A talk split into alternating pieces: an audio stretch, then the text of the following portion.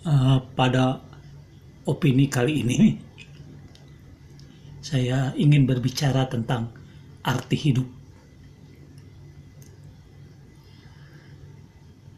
Anak saya bertanya, "Apakah artinya hidup?" Saya tidak siap untuk menjawabnya, maka saya jawab sekenanya. Hidup itu artinya bergerak, dan karena itu kita perlu makan dan bernafas. Anak saya mengangguk-angguk, tak paham atau tidak. Dia tidak bertanya lagi, misalnya dengan pertanyaan, "Bukankah hidup perlu minum juga?" Ah, ya mungkin dia mahfum, makan itu termasuk minum di dalamnya. Setelah anak saya kembali asik dengan tontonan Miao Audnya yang sering dia tonton di YouTube, saya jadi serius memikirkan pertanyaan, apakah artinya hidup? Ah, pertanyaan purba. Tampaknya tidak akan selesai dijawab hingga hidup tiada di dunia. Ada jawaban dari mitos-mitos atau agama-agama. Namun kerap manusia tak puas dengan jawaban-jawaban serupa itu. Begitu juga para filsuf selalu memberi jawaban yang berbeda-beda. Hidup semakin banyak definisinya. Awalnya ingin mendapatkan kejelasan, yang didapatkan akhirnya sebaliknya, kekeruhan, ketidakjelasan. Saya pernah mendengar orang berkata, hidup itu tak perlu didefinisikan, tapi dijalani saja. Lakoni, kalau Anda berkutat pada pertanyaan tentang hidup terus-menerus, ibarat seseorang yang selalu menggosokkan kacamatanya agar bersih, tapi tak pernah dipakai untuk melihat. Mungkin betul juga. Yang penting hidup, hidup itu dijalani. Lagi pula, tidak setiap orang bisa men mengeksplisitkan makna tentang hidup. Bukan berarti dengan demikian mereka tak memiliki definisi tentang hidup. Perilakunya setiap hari sebetulnya adalah perwujudan dari definisi hidup yang dia miliki.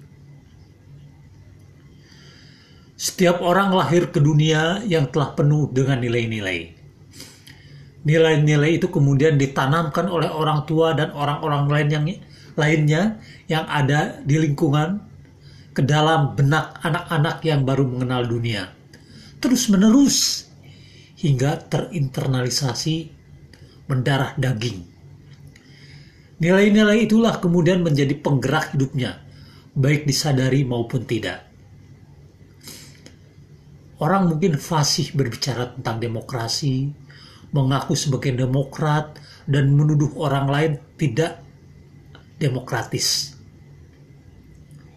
Namun sering pada kenyataan hidup yang sebenarnya misalnya di lingkungan rumah tangganya tidak merealisasikan kepercayaan dan pemahamannya tentang demokrasi. Ini bisa terjadi karena nilai-nilai yang terinternalisasi di dalam dirinya sebetulnya bukan nilai-nilai hidup yang demokratis. Jika demikian, muncul pertanyaan, Apakah manusia itu bebas? Jika manusia diarahkan oleh nilai-nilai yang telah terinternalisasi, bukankah, bukankah itu artinya manusia tidak bebas?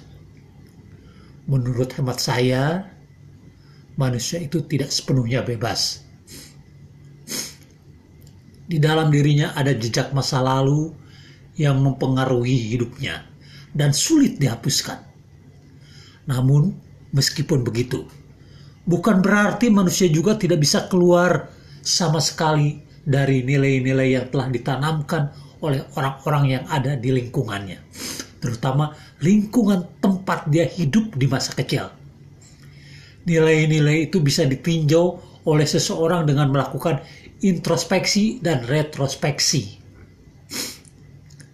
Dalam melakukan introspeksi dan retrospeksi, ada berbagai cara ada yang mengatakan, galilah dari hal-hal yang dianggap tabu oleh masyarakat, maka Anda akan sampai pada pemahaman hidup yang selama ini Anda pegang dan tak pernah sepenuhnya Anda sadari serta pahami.